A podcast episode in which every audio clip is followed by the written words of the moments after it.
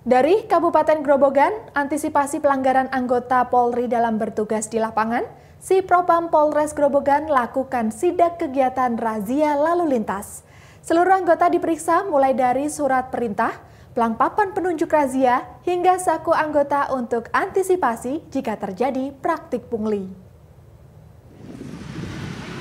Petugas dari Seksi Profesi dan Pengamanan Polres Grobogan mendatangi anggota Satuan Lalu Lintas yang sedang melakukan razia.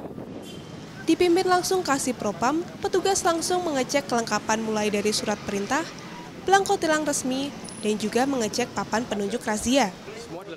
Setelah dipastikan sesuai prosedur, petugas kemudian mengecek seluruh saku petugas di lapangan untuk mengantisipasi adanya pungli yang dilakukan oleh anggota kepolisian.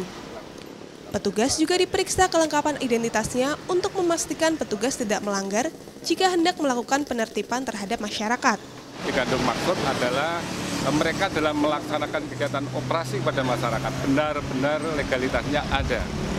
Kita cek dari mulai sprint, kita cek dari mulai papan, romprang, e, jurusan rahasia, dan itu harus bisa diketahui oleh masyarakat pengguna jalan. Hasilnya kali ini jadi kita lihat papan nama eh, pelang ada, memang sesuai dengan aturan kurang lebih 50 meter, termasuk juga belangko delang betul-betul resmi, dan kita tadi sempat kita cek dari saku-saku celana mereka, tidak ada uh, wujud-wujud yang mengarah kepada pungli.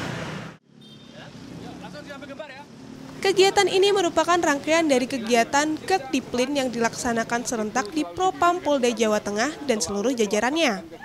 Diharapkan masyarakat juga bisa berperan aktif apabila melihat pelanggaran yang dilakukan anggota kepolisian agar langsung melaporkan kepada si Propam Polres Grobogan. Suswanto Saputro melaporkan untuk NET.